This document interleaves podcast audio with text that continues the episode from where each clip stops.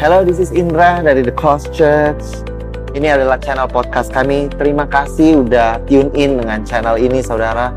Kami berharap bahwa setiap message kami dapat membukakan lebih siapa Tuhan, saudara, dan Injil kasih karunia dan apa yang Yesus sudah lakukan di kayu salib kiranya membebaskan kehidupan saudara.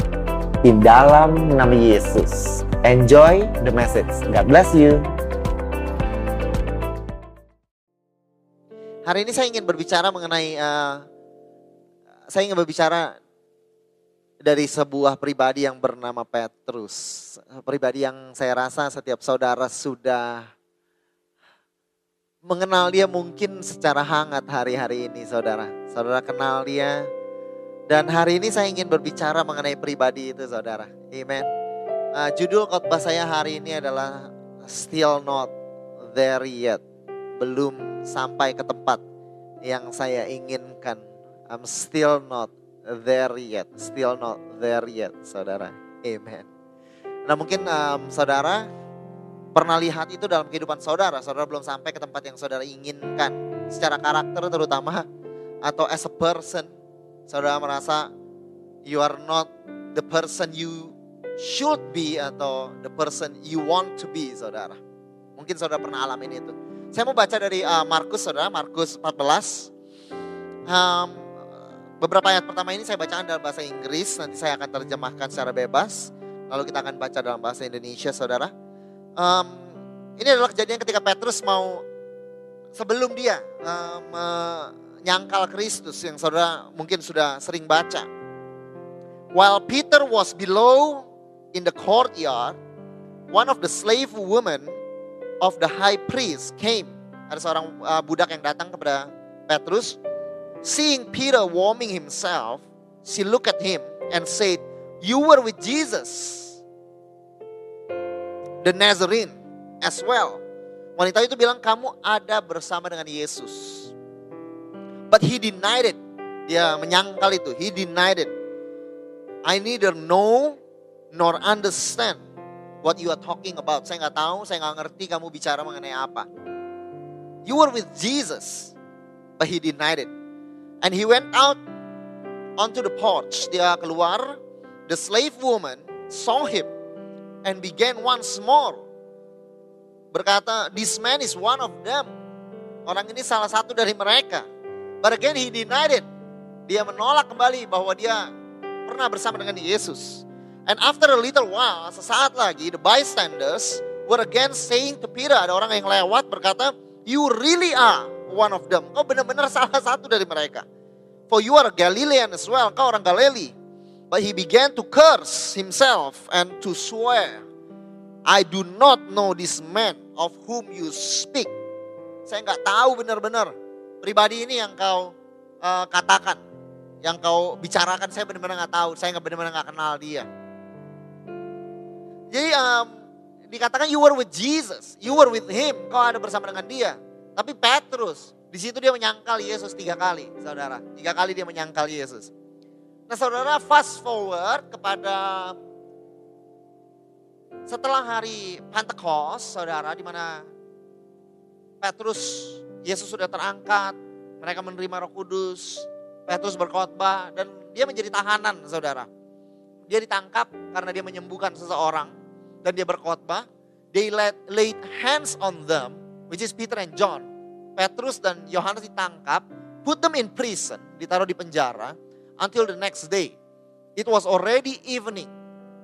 Now as they observe the confidence of Peter and John and understood that they were uneducated and untrained men, they were amazed And they began to recognize them as having been with Jesus. Jadi keadaannya adalah Petrus diadili, saudara, dengan Yohanes dia diadili, ditangkap, dan dia diadili. Waktu dia diadili, saudara, mereka amazed, mereka tertakjub dengan Petrus dan mereka berkata, mereka sadar bahwa orang ini pernah bersama dengan Yesus. Mereka sadar dia pernah bersama dengan Yesus. Nah saudara, um, begitu berbeda kejadian Petrus waktu dia menyangkal Yesus dan waktu saat ini dia berdiri di pengadilan karena dia mengkhotbahkan, memberitakan nama Kristus. Tapi di situ dikatakan bahwa mereka sadar they have been with Jesus. Justru keberadaan mereka dengan Yesus mereka dapat rasakan saudara pada saat itu. Nah tapi saudara waktu dia pertama dia menyangkal Yesus ada seorang budak wanita yang berkata you were with Jesus. Engkau ada bersama dengan Yesus. Tapi dia denied saudara. Artinya apa saudara? Seringkali kita saudara merasa bahwa kita seharusnya karena kita sudah mengenal Yesus, seharusnya karena kita sering mendengar Injil kasih karunia, sering kali harusnya kita sudah memilih, uh, seharusnya kita sudah menjadi orang yang berbeda, saudara. We are a different person. Petrus harusnya karena dia mengenal Yesus begitu dalam, harusnya dia bukan jadi orang yang jatuh, saudara. Tapi saudara, ternyata Petrus jatuh walaupun dia were with Jesus, saudara you were with Jesus. Tapi saudara setelah di, di kisah para rasul, you you you were with Jesus, tapi saat ini dia sedang di penjara dan dia rela di penjara, saudara. Jadi kejadiannya sama, mereka rasa dia orang yang pernah bersama dengan Yesus, tapi responnya Petrus sudah berbeda, saudara. Nah, maybe saudara kita sering kali terlalu cepat untuk menghakimi diri kita sendiri, kita, eh, terlalu cepat untuk kecewa dengan diri kita sendiri atau dengan orang lain, saudara. You have been with Jesus. Seharusnya kamu uh, better than this. Kalau you have heard the word of God, kau udah dengarkan firman Tuhan Injil, kasih karunia yang begitu luar biasa ini, kau udah dengarkan itu, tapi engkau engkau belum berubah seperti Petrus, saudara. Tapi kalau saudara sadari Petrus has been with Jesus dan dia menyangkal. Lalu di kisah perasul dia has been with Jesus tapi dia sedang diadili dan dia rela untuk dipenjara saudara. Maybe saudara bahwa pertumbuhan you are not where you supposed to be seolah-olah. Saudara merasa because you already know, kau udah pernah dengar firman ini, kau udah pernah um, because you are a leader atau because saudara udah dengarkan ini sering atau saudara udah bersama dengan Yesus, tapi you're not there yet. Hari ini saya mau ingatkan bahwa Petrus juga alami yang sama. He had been with Jesus di dalam kejadian pertama yang kita baca, tapi dia sangkal Yesus. Lalu di kejadian yang kedua, he had been with Jesus, tapi di situ dia membela Yesus dan dipenjara, saudara. Dan hari ini, saudara, maybe you are a Peter yang masih ada di sisi yang satunya saudara. You are falling di dalam kehidupan saudara, saudara masih jatuh. Tapi saudara maybe you want to judge yourself, kau ingin menghakimi diri saudara atau bahkan mungkin kadang kita orang lain bahwa seolah dia seolah-olah nggak layak, nggak nggak belum menerima Yesus atau belum belum bukan belum menerima maaf, uh, seolah-olah belum mengenal Kristus, belum mengenal dia you you should know better, harusnya kau udah lebih tahu. Tapi I want to tell you, I want remind you bahwa Petrus mengalami hal ini saudara. Dan terlalu cepat untuk kita kalau menghakimi Petrus bahwa dia adalah orang yang gagal. Tapi mungkin kita perlu sabar walaupun you have been with Jesus, mungkin kau masih falling. Tapi akan ada waktunya, waktu orang-orang takjub dan melihat Petrus, you have been with Jesus. Tapi you are different, kau berbeda. And maybe it takes time saudara untuk kehidupan saudara. Maybe it takes um, seolah-olah lebih lama dari yang kita inginkan saudara. Tapi hari ini I want to tell you bahwa saudara mungkin hari ini saudara as a father, as a as a employer atau as a daughter atau as a saudara merasa saudara you should be better. Tapi hari ini saudara belum capai ke tempat yang saudara inginkan. Mungkin saudara masih ada di sisi yang satu ini. I have been with Jesus. Petrus berkata. Uh, um, uh, budak berkata kepada dia dan dia deny saudara. Apakah artinya dia nggak mengenal Kristus? No. Apakah artinya dia nggak menghargai Yesus? No. Tapi saat itu dia belum sampai kepada buah yang ingin dilihat saudara. But one day he will. One day he will. Do not judge him too early. Jangan menghakimi dan jangan menghakimi diri saudara terlalu cepat atau bahkan orang lain saudara. Jadi dari situ saya lihat Petrus berkata, waktu Petrus berkata, Tuhan aku bersedia masuk penjara dan mati bersama-sama dengan engkau. Memang betul dia sombong karena dia bilang walaupun yang lain enggak jatuh, aku, eh, walaupun yang lain jatuh, aku bersedia masuk penjara. Dia bilang gitu. Tapi saudara, pada saat, pada saat yang bersama saya lihat juga bahwa Petrus itu orang yang sungguh-sungguh ingin ya. Dia bilang, Yesus saya bersedia masuk penjara untuk engkau. Jadi saudara ini bukan hanya teriakan karena sombong, tapi justru ini teriakan kejujuran dari dia. Bahwa this is the person he wants to be. Bahwa ini adalah pribadi yang dia inginkan saudara. Bukan hanya yang dia harusnya kamu udah tahu, tapi dia juga inginkan ada desire dalam hati dia. He truly wants. Saudara dia benar-benar mau jadi orang yang ikut Yesus bahkan bersedia untuk dipenjara, bahkan mati untuk Yesus saudara. Oleh karena itu saya melihat bahwa Petrus meminta kepada Yesus, saya mau jalan di atas air bukan karena hal yang lain, tapi karena dia ingin melakukan yang Yesus lakukan. Justru saudara, Petrus ini memiliki keinginan yang dalam. Dia sering gagal, dia sering kecew, mengecewakan saudara, karena justru dia mencoba mungkin paling keras saudara. Dan sering kali saudara merasa gagal dalam satu hal dan hal lain justru karena saudara you have tried and Tuhan lihat what you are trying saudara, apa yang saudara coba. You want to be such a good leader dan saudara merasa sometimes bad about yourself. Saudara begitu berusaha menjadi seorang um, ibu yang baik dan saudara merasa you, you merasa bad about yourself.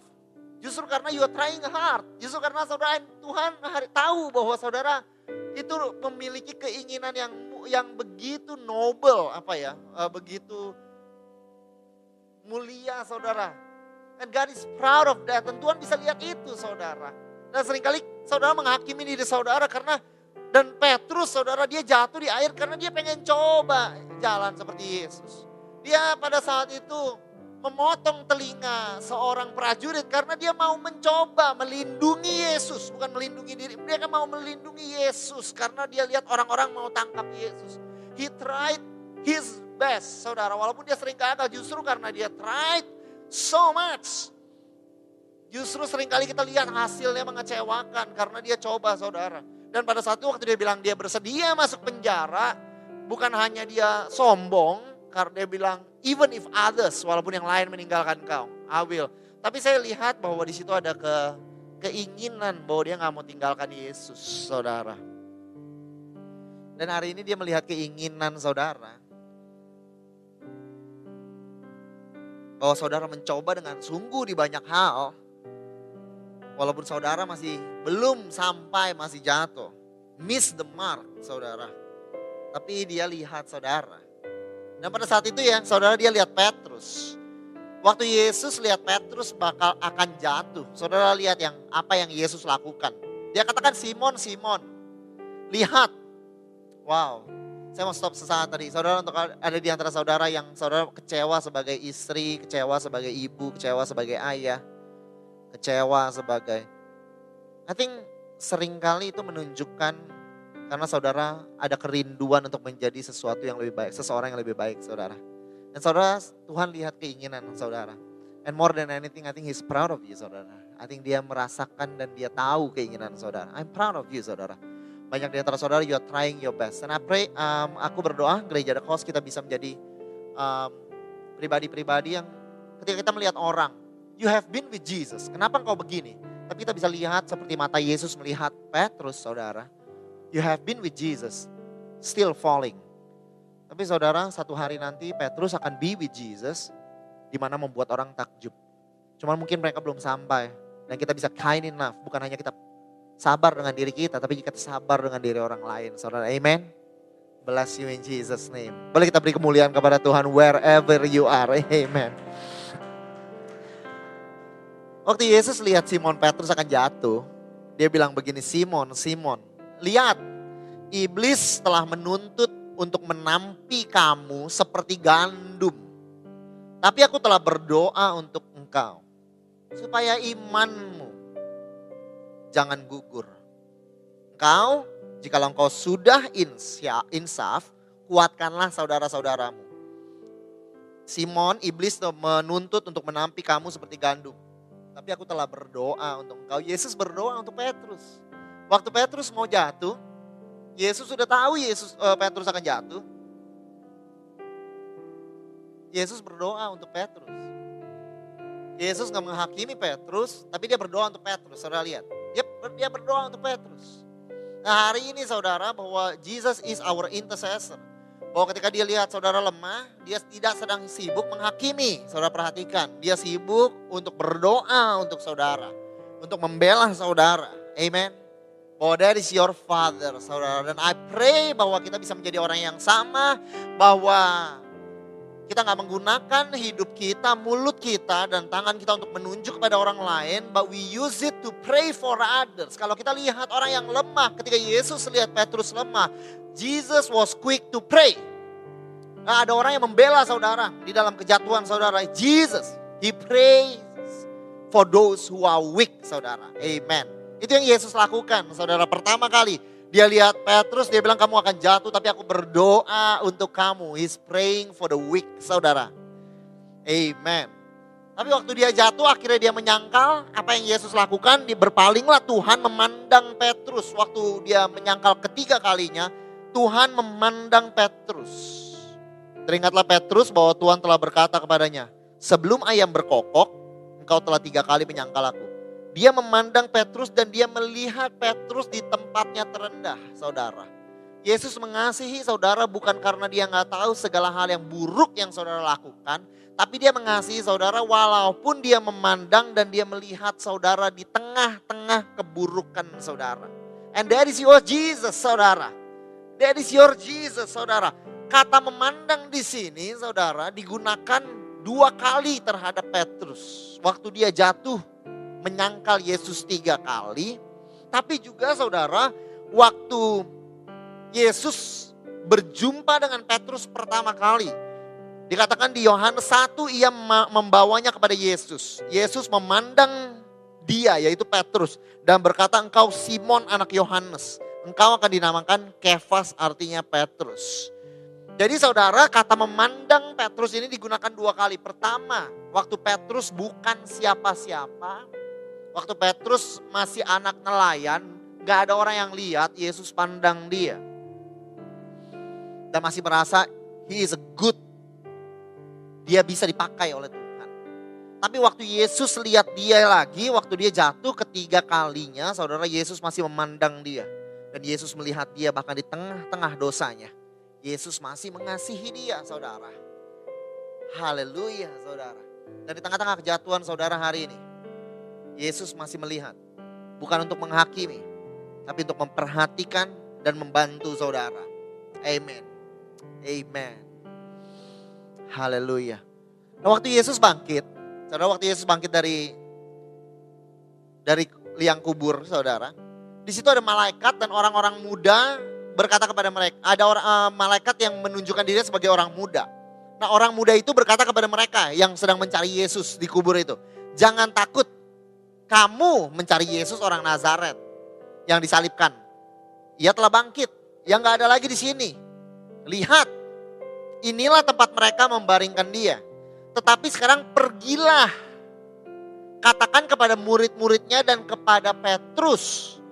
Pergilah, katakanlah kepada murid-muridnya dan kepada Petrus. Ia mendahului kamu ke Galilea. Saudara dengan spesifik malaikat ini, orang muda ini berkata bahwa katakan kepada mereka murid-muridnya dan kepada Petrus. Bahwa saudara dengan spesifik he called out for Peter yang jatuh. Dia called out untuk Peter saudara. Ya bukan hanya Yesus berdoa untuk Petrus. Tapi Yesus memandang Petrus saudara di dalam semua kejatuhannya. Tapi juga saudara he called out for Peter bahwa Peter was still included di dalam kejatuhannya.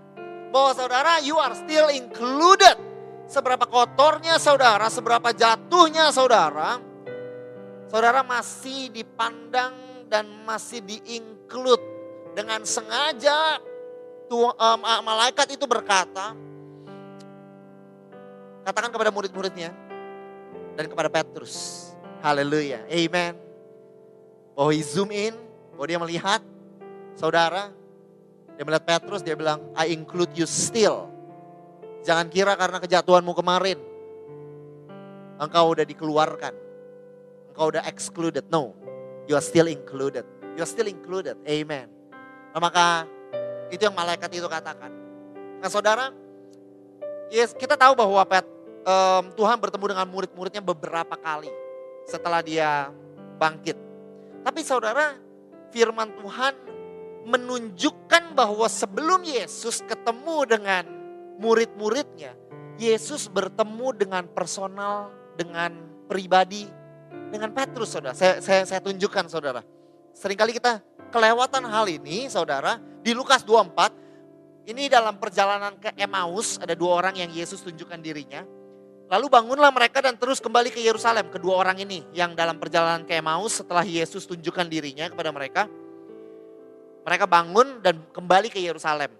Di situ mereka mendapati ke sebelas murid itu. Mereka sedang berkumpul bersama-sama murid-muridnya dengan teman-teman mereka.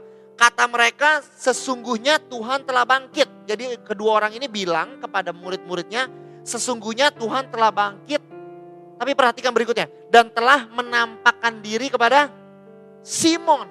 Artinya saudara sebelum di, um, Tuhan menunjukkan dirinya kepada sebelas orang ini dan teman-teman mereka. Tuhan telah menunjukkan dirinya kepada Simon. Apa yang Yesus katakan kepada Simon? Kita nggak tahu saudara. Apa yang dia lakukan kita nggak tahu saudara. Tapi Tuhan sudah bertemu dengan Simon. Di satu Korintus waktu eh, Paulus menceritakan kejadian ini dia juga berkata, ia telah menampakkan diri kepada Kefas yaitu Petrus dan kemudian kepada kedua belas murid. Tentunya dia menghitung Matias. Artinya Yesus sudah menunjukkan dirinya kepada Petrus lalu kemudian kepada murid-murid yang lain. Artinya saudara Yesus sudah bertemu dengan Petrus secara pribadi saudara. Jadi bukan hanya Yesus berdoa untuk Petrus sebelum dia jatuh, melihat dia akan jatuh. Tapi uh, Yesus memandang Petrus, saudara, sama seperti dia memandang Petrus pertama, dia memandang dia di dalam kejatuhannya, saudara. Tapi dia masih mengasihi dia. Bukan hanya itu, tapi dia meminta malaikat, saudara. God asked the angel untuk bilang, include Peter specifically. Karena kalau namanya nggak disebut, takutnya dia merasa murid-muridnya, but maybe that's not me. Tapi dia bilang, bilang kepada murid-muridnya dan kepada Petrus. Untuk ke Galilea, bahwa dia masih included. Tapi bukan hanya itu, tapi sebelum Tuhan menunjukkan dirinya kepada murid-muridnya, ternyata Tuhan sudah berjumpa secara personal dan secara pribadi dengan Petrus, saudara. Bukan dia hakimi, bukan dia rendahkan, tapi dia tend his wound, saudara. Kita nggak tahu apa yang dia katakan, saudara. We do not know what he says, saudara. Sometimes it is private time, God and you, Jesus and you. Sometimes saudara waktu saudara jatuh, saudara malu. Tuhan gak membeberkan ini ke semua orang, tapi dia private time for God and you. In the name of Jesus. Nah hari ini at home, maybe you want to speak to you personally, saudara. Gak perlu banyak orang tahu, but in person, saudara. Face to face dengan saudara, hati dengan hati pada saudara.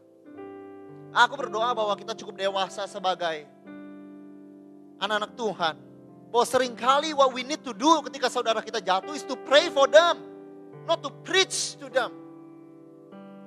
Bahwa hari ini kita memandang mereka dengan mata kasih masih. Bahwa kita masih bisa include them and tell them that you are still a part of us. Bahwa kita bisa, I hope, I pray bahwa kita cukup dewasa. Not to judge others, saudara. Tapi kita bisa mengizinkan Tuhan. Kita percaya bahwa Tuhan bisa ber, berjumpa dengan mereka secara pribadi. Dan Tuhan masih bisa berjumpa dengan saudara secara pribadi no matter how dirty. Seberapa nggak nggak nggak bisa nggak layak nggak nyampe saudara. Tuhan bekerja dalam hidup saudara secara pribadi. And Jesus met Peter in person. And it is none of our business saudara. Dan itu bukan bisnis dari orang-orang lain. Itu adalah Yesus dengan mereka. What Jesus want to met Peter secara pribadi. How beautiful it is, saudara. In His presence. Aku berdoa hari ini. He's your personal God, saudara. who wanna thank you one on one, saudara. One on one. Lalu pada perjumpaan ketiga dengan murid-murid yang lain, Amen. How kind is Jesus. Lalu Yesus berjumpa lagi, berjumpa lagi kepada dengan murid-muridnya pada perjumpaan yang ketiga. Ini yang sering kita, saya, saya rasa kita udah tahu saudara. Pada perjumpaan yang ketiga, ketiga kalinya Yesus menampakkan diri kepada murid-muridnya. Sesudah ia bangkit dari antara orang mati. Sesudah sarapan Yesus berkata kepada Simon, Simon anak Yohanes apakah engkau mengasihi aku lebih dari mereka? Jawab Petrus kepadanya benar Tuhan engkau tahu aku mengasihi engkau. Kata Yesus kepadanya, gembalakanlah domba-dombaku. Lalu Yesus pun teguhkan panggilan Petrus tiga kali, saudara. Kita udah udah pernah bahas hal ini. Eh, saudara perhatikan. Yesus berdoa untuk dia. Amen. God is interceding for you. Jesus is interceding for you. Dia mengasihi dia. Dia bertemu dengan pribadi. Lalu di tengah-tengah murid yang lain dia restore karena mereka sedang makan bersama, dia restore, dia pulihkan panggilan Petrus, saudara. Kalau kita bisa lihat that, that graphic, saudara, yang saya buat, saudara. Peter was falling away. But Jesus prayed for him. Jesus saw him. Jesus include him, called for him. Jesus met him privately. And then Jesus restored his calling. How much more your heavenly Father, saudara, is looking for the one who is lost, saudara. Saudara perhatikan justru dari momen kejatuhan Petrus, seolah-olah ada sebuah, bukan seolah-olah, ada sebuah garis bawah, highlight, spotlight kepada kehidupan Petrus. Semenjak itu, semenjak Yesus bilang kamu akan jatuh. Setelah itu saudara dia bilang saya akan berdoa untukmu. Setelah itu dia memandang Petrus bukan Yohanes. Dia memandang Petrus. Ada Petrus, ada Yohanes yang melihat Yesus dengan dekat. Sebelum Yesus disalib waktu ada di pengadilan ada dua pribadi. Tapi Yesus melihat kepada Petrus. Kenapa? Karena dia tahu Petrus yang mau jatuh. Dan Tuhan mau memandang Petrus saudara. Lalu kenapa dia bilang bukan murid-muridnya dan yang lain. Saudara murid-muridnya dan Petrus saudara. Kenapa dia berjumpa dahulu kepada Petrus. Karena tuh firman Tuhan berkata bahwa kalau ada 99 domba yang baik-baik aja satu yang hilang. I will look for him. Bahwa Tuhan God ada special grace saudara. Bahwa Tuhan ada special attention saudara. Kepada mereka yang hurting. Kepada mereka yang membutuhkan saudara. Justru bukan Tuhan not running away. Tuhan gak kabur dari Petrus. Menjauh, menghindar. Tapi God is praying for him. Saw him, include him, met him personally. And restore him saudara. Justru ada sebuah attention khusus. For your life, saudara, you feel you falling away, saudara. You feel you're not good enough. You feel you're not there yet. Saya udah bersama dengan Yesus, tapi I act like saya berlaku seperti orang yang gak kenal dia sama sekali, saudara. Before you condemn yourself, saudara. Ketahuilah bahwa Yesus, saudara. Gak condemn, saudara. If anything, is praying for you, saudara. Seringkali kita gak sabar dengan diri kita, tapi Jesus never give up. Waktu Petrus jatuh dan jatuh dan jatuh kembali apa yang Yesus lakukan. Dia bilang, I give you less grace. No, saudara. He give you more grace, saudara. He give you more grace, saudara. Jangan sering kali kita tertawa dan bercanda, saudara. Wah, kayaknya nggak bisa nih grace-grace gini harus kita kasih law. Kita bercanda, saudara. Even amongst us, the workers, kayak, wah ini kalau grace-grace mereka nggak disiplin, kita kasih law, saudara. Tapi saudara, waktu Yesus lihat Petrus jatuh, dia nggak bilang ini kayaknya nggak bekerja. This message doesn't work. Keep loving him, nggak bekerja. I should change back to the Lord. No, Jesus say you need more grace. And I give you more grace. And that's how God gonna change you. And how God gonna change me. Bagaimana dia ubah Petrus bahwa Peter you keep on falling. I zoom in on you. I, I had my spotlight upon you. I'm going to love you and love you and love you, forgive and pray and grace and include you, accept you until you change, saudara. And that's what Jesus did kepada Petrus, saudara. Ah, in the name of Jesus. This message doesn't work. Maybe it is working deeper than you can realize. Mungkin kasih karunia Tuhan sedang bekerja lebih dalam dari yang kita bisa bayangkan. Bersama dengan Yesus seperti nggak ada efeknya. Mendengarkan kasih karunia seperti nggak bekerja. Kenapa? Karena kita zoom in kepada Petrus menyangkal kepada menyangkal Yesus. Seolah-olah itu jadi highlight kita. Saudara ingat gak kejadian? Saya mau kasih tahu saudara, oke? Okay? Haleluya. Ayo oke okay, Tom? Haleluya. If you need a break, tunggu dulu saudara. Yesus membangkitkan seorang anak yang berumur 12 tahun. Saudara ingat kejadiannya, saya bacakan sesaat. Sesudah itu ia masuk, dia berkata kepada orang-orang itu. Mengapa kamu ribut dan menangis? Anak ini gak mati tapi tidur. Mereka menertawakan Yesus. Apa yang Yesus lakukan? Diusirnya semua orang, disuruh keluar. Lalu dibawa ayah ibunya anak itu, mereka yang bersama-sama dengan dia masuk ke kamar anak itu. Lalu apa yang dilakukan? Dipegangnya tangan anak itu Lalu dikatakan tali takum. Artinya hai anak aku berkata kepadamu bangkit. Amin. Diusirnya semua orang, dipegang tangan anak itu. Lalu dibilang talita kum. Seketika, seketika itu juga anak itu bangkit berdiri dan berjalan. Sebab umurnya 12 tahun.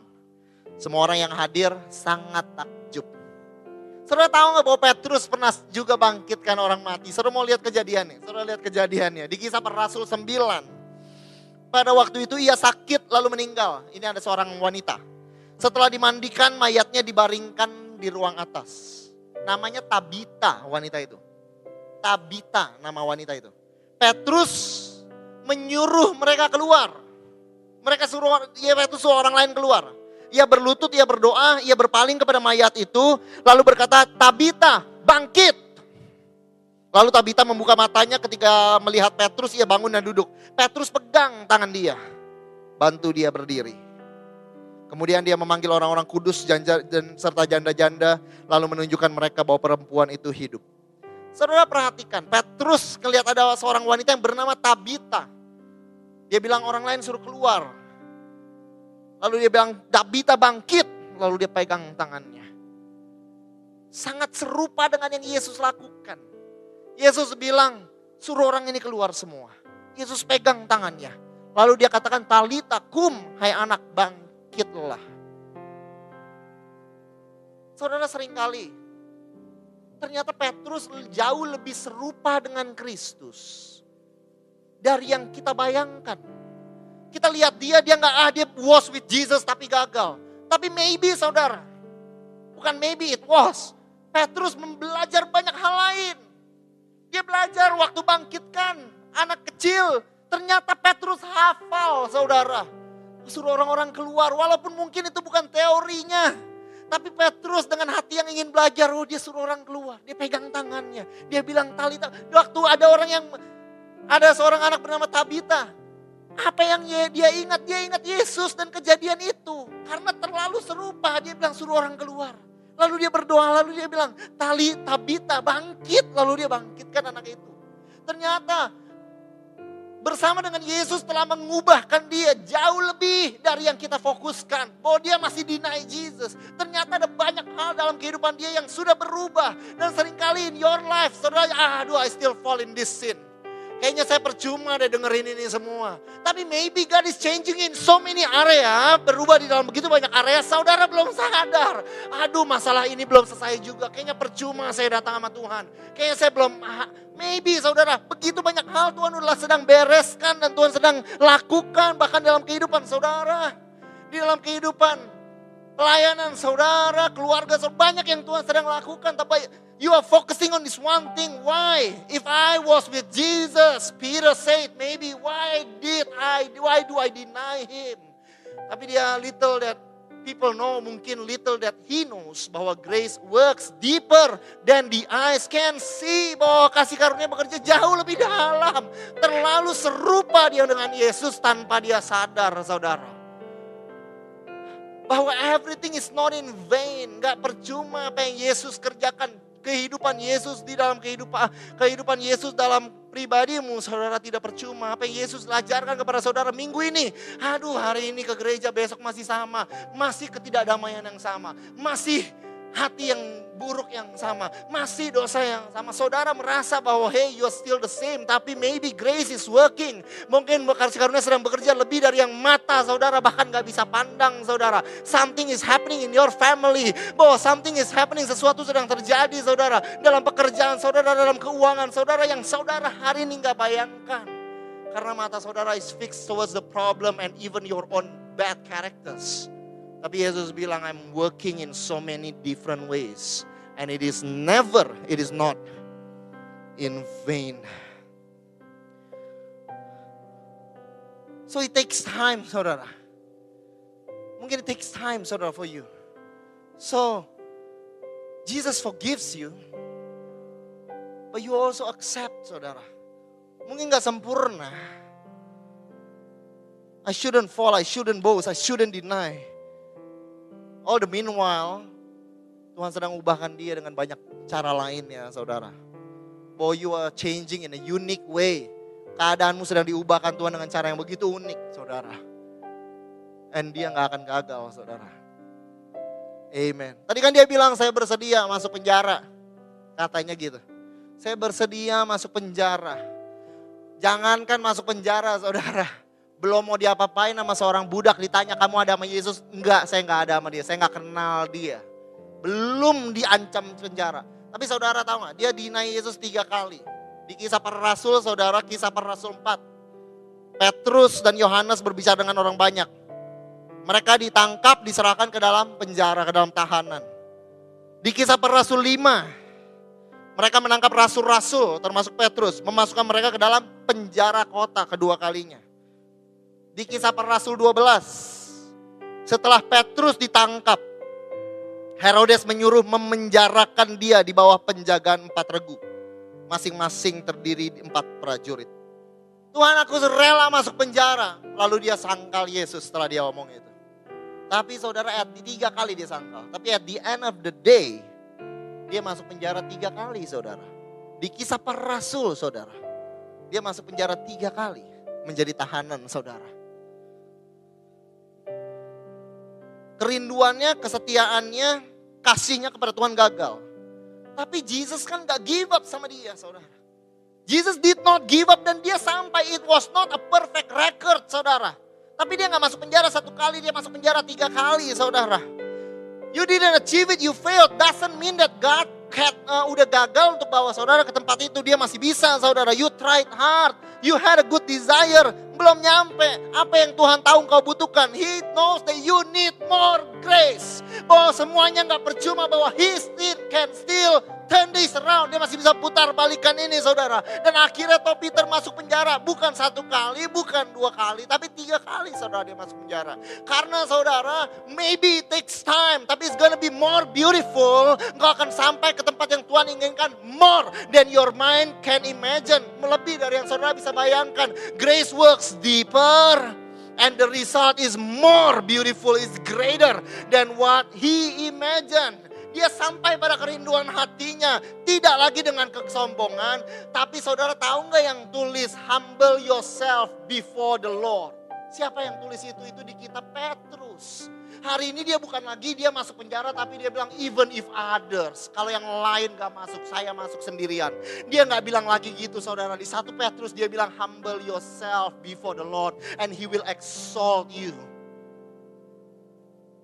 Artinya bukan hanya dia belajar, dia mau masuk penjara, tapi pada saat yang itu udah dicuci kesombongan dia. Karena Yesus lebih ngerti bagaimana bekerja di dalam kehidupanmu. Lebih daripada engkau bayangkan bagaimana engkau bekerja di dalam kehidupanmu. Jadi keluargamu is gonna be okay saudara. Bawa bisnismu, keuanganmu is gonna be okay saudara. Uh, mungkin apa pun yang diporak-porandakan satu atau dua tahun atau lima tahun belakangan atau mungkin sepuluh tahun belakangan. Tuhan lebih ngerti bagaimana bekerja lebih dalam di dalam kehidupanmu. Dan memberikan kau yang more, lebih besar dan lebih luar biasa dari yang kau dapat pikirkan saudara. God is working all things for good saudara. In the name of Jesus. And receive that saudara. Untuk keadaan kehidupan tapi juga untuk kepribadian segala. You wish you are a better mom. You wish you are a better dad. Saudara, give yourself some time. Berikan saudara waktu saudara untuk saudara Saudara sabar dengan orang lain dan juga sabar kepada saudara. Give yourself time. Maybe wah, saudara, kalau Yesus disqualify Petrus, ah nggak mungkin kamu masuk penjara, kamu pasti gak. Yesus gak lakukan itu. Jesus did not give up. Toh Petrus sampai saudara. Yesus gak bilang ah kamu gak bakal bisa lah. You was with me, tapi you are ugly. Enggak kayak gitu. Jesus did not disqualify him. It was, akhirnya Petrus toh dia was with him dan diadili karena was with him, saudara. Kejadian yang sama yang membuat dia bendina Yesus adalah keadaan yang sama yang membuat dia diadili, yaitu he was with Jesus. Toh akhirnya dia embrace itu. Dan dia bilang dia enggak. Enggak bilang dia bukan bersama dengan Yesus. You get there, but maybe time, grace takes time, saudara. It takes time, saudara. Ya kalau engkau lihat orang lain, anakmu mungkin belum berubah. Saudara, give them time, pray for them, include them, love them. Orang lain teman saudara. Pray for them, include them, bless them. Meet them in person, talk to them, love them. Restore them. And sometimes sering kali not to preach to them, tapi to be silent. Anizinkan Tuhan punya waktu pribadi dengan dia. Maybe that's the best thing sometimes yang you can give to your friends, or to your families, or to your wife, or to your husband, or to your to your everyone, saudara. Saya nggak tahu to your apa lagi, saudara. Amen. Tapi you will not be in vain. And God wanna give you more grace. You're still not there yet. Yesus belum buang Petrus. You're still not there yet. I'm gonna pray for you. You not you are not there yet. I will include you. You are not there yet. I will meet with you personally. You are not there yet. I will give you more grace and I will not give up. Yesus belum bukan hanya karakter, tapi untuk keadaan. Mungkin keuanganmu, mungkin relationshipmu. Tuhan belum give up. Belum give up in the name of Jesus. Oleh karena itu yang kita butuhkan bukan hanya grace, tapi grace upon grace. Ada waves of grace yang mau datang kepada kehidupan saudara. Tahu nggak yang tulis the God of all grace? Itu adalah Petrus saudara. In the name of Jesus. Saya boleh panggil the worship team to come. It's so beautiful saudara. How beautiful is Jesus. Saya masih ada satu ayat lagi yang saya ingin bagikan as I wait for the worship team.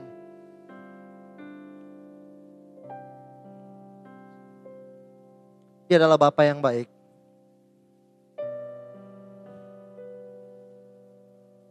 Dia bukan Tuhan yang menghakimi.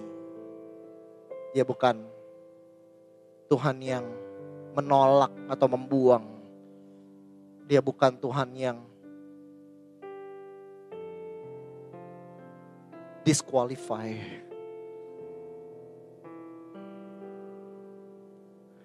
Kalau saya duduk diam dan lihat kehidupan orang dan renungkan kehidupan mereka. Kadang-kadang mereka jauh lebih serupa dengan Kristus dan dari yang mereka bayangkan. Saya lihat desire-desire mereka. What they need is more grace. Your leaders need more grace. Your friends need more grace. Belum berubah. This is what Jesus did to Peter. More grace. Still not there yet. Oh. Hmm. Jesus. Saya nggak tahu yang Yesus katakan kepada Petrus waktu dia berjumpa dengan Petrus secara pribadi. Saya nggak tahu yang dia katakan. Tapi kalau kita lihat saudara, waktu pertama kali Yesus berkata kepada Petrus, ikut aku. Saudara ingat kejadiannya? Petrus semalam-malaman mau menangkap ikan, nggak dapat ikan. Akhirnya Yesus bilang, ayo lemparkan jalamu, Lalu mereka dapat ikan banyak. Saudara ingat kejadiannya? Setelah mereka melakukannya di Lukas 5. Ini pertama kali Petrus follow Jesus ya. Diminta to follow me. Mereka menangkap sejumlah besar ikan sehingga jalan mereka mulai koyak. Ketika Simon Petrus melihat hal itu, ia pun tersungkur di depan Yesus. Dia berkata, Tuhan pergilah daripadaku. Karena aku ini orang berdosa. Saudara perhatikan. Dia tangkap jala yang banyak, dia lihat Yesus, dia bilang, pergilah daripadaku karena aku ini orang yang berdosa. Dia mau run away, dia bilang, go away from me. For I am a sinful person. Fast forward, Yesus sudah bangkit, Yesus sudah ketemu dengan Simon. Karena sebelum dia berjumpa dengan ramai-ramai, dia udah berjumpa dengan Simon secara pribadi, tadi saya udah katakan. Lalu Yesus berjumpa dengan muridnya ramai-ramai di Galilea. Mereka juga masih kejadian yang sama saudara. Mereka nggak dapat ikan, Yesus suruh lemparkan jala, mereka dapat ikan banyak. Saudara ingat kejadiannya sebelum restoration of Peter, mereka tangkap ikan banyak. Saudara perhatikan kejadiannya begini di Yohanes 21. Kata Yesus kepada mereka, tebarkanlah jalamu di sebelah kanan perahu, maka engkau akan peroleh. Mereka menebarkannya, mereka tidak dapat menariknya karena banyaknya ikan. Kejadiannya mirip saudara. Murid-murid yang dikasihi Yesus yaitu Yohanes berkata kepada Petrus, itu Tuhan. Itu Tuhan. Saudara ingat tadi apa yang Petrus lakukan? Waktu Yesus lakukan itu, Petrus bilang jauh daripadaku. Tapi lihat respon Petrus saat ini. Ketika Petrus mendengar bahwa itu adalah Tuhan, ia mengenakan pakaiannya sebab ia tidak berpakaian. Lalu dia terjun ke dalam danau. Petrus ingin cepat-cepat bertemu dengan Yesus. Sampai dia terjun saudara ke danau itu karena dia mau berjumpa dengan Yesus. Saya nggak tahu apa yang Yesus katakan kepada Petrus di perjumpaan pribadinya. Tapi karena saat ini dia justru lebih berdosa. Dulu pertama kali dipanggil dia bilang go away from me. For I am a sinful person. Saya orang berdosa. Go away. Dia mau run away, dia mau menjauh. Tapi saudara setelah Yesus, setelah dia sangkal Yesus di mana dia benar-benar berdosa sekali. Yesus berjumpa dengan dia secara pribadi, kita nggak tahu apa yang Yesus katakan. Tapi yang kita tahu setelah kejadian itu, waktu kejadian yang sama mereka tebarkan jala lalu Yohanes bilang itu Tuhan. Yang kita tahu bahwa Petrus mau cemplung ke dalam danau dan mau cepat-cepat terburu-buru mendekat kepada Yesus. Jadi apa pun yang Yesus ajarkan kau secara pribadi, one thing I know is not gonna drive you away from Him. Gak mungkin kalau dia mau condemn you. Pergilah engkau orang berdosa. Menjauh kalau membuat kau rasa engkau ingin menjauh is not from God. Merasa engkau gak layak untuk datang. Mau bilang Tuhan pergi daripadaku is not from God saudara. Karena even though we do not know. Walaupun kita gak tahu apa yang Yesus katakan. Tapi I know one thing. Bahwa setelah itu saudara setelah kejadian Yesus berjumpa dengan Petrus. Dan murid-muridnya saudara setelah kebangkitan Bahkan di dalam dosanya yang parah, saudara, Petrus ingin mendekat. Bahkan dia loncat ke danau. He wanna run towards Jesus, saudara. Whatever gospel that you hear, if it does not make you to run towards Jesus, saudara. If it makes you fearful, it's not God, saudara. It's not Jesus. It makes you feel like you are a sinful person. Go away from me. It's not Jesus, saudara. Because Jesus is pulling, saudara And he'll give you more grace for you to come. Come. Come. Maka, maka Petrus pun berlari kepada Yesus. At the most sinful state of Peter, he feared not. Because he knew he was still included. So come Peter. Maka Petrus pun berlari menuju dia. In the name of Jesus.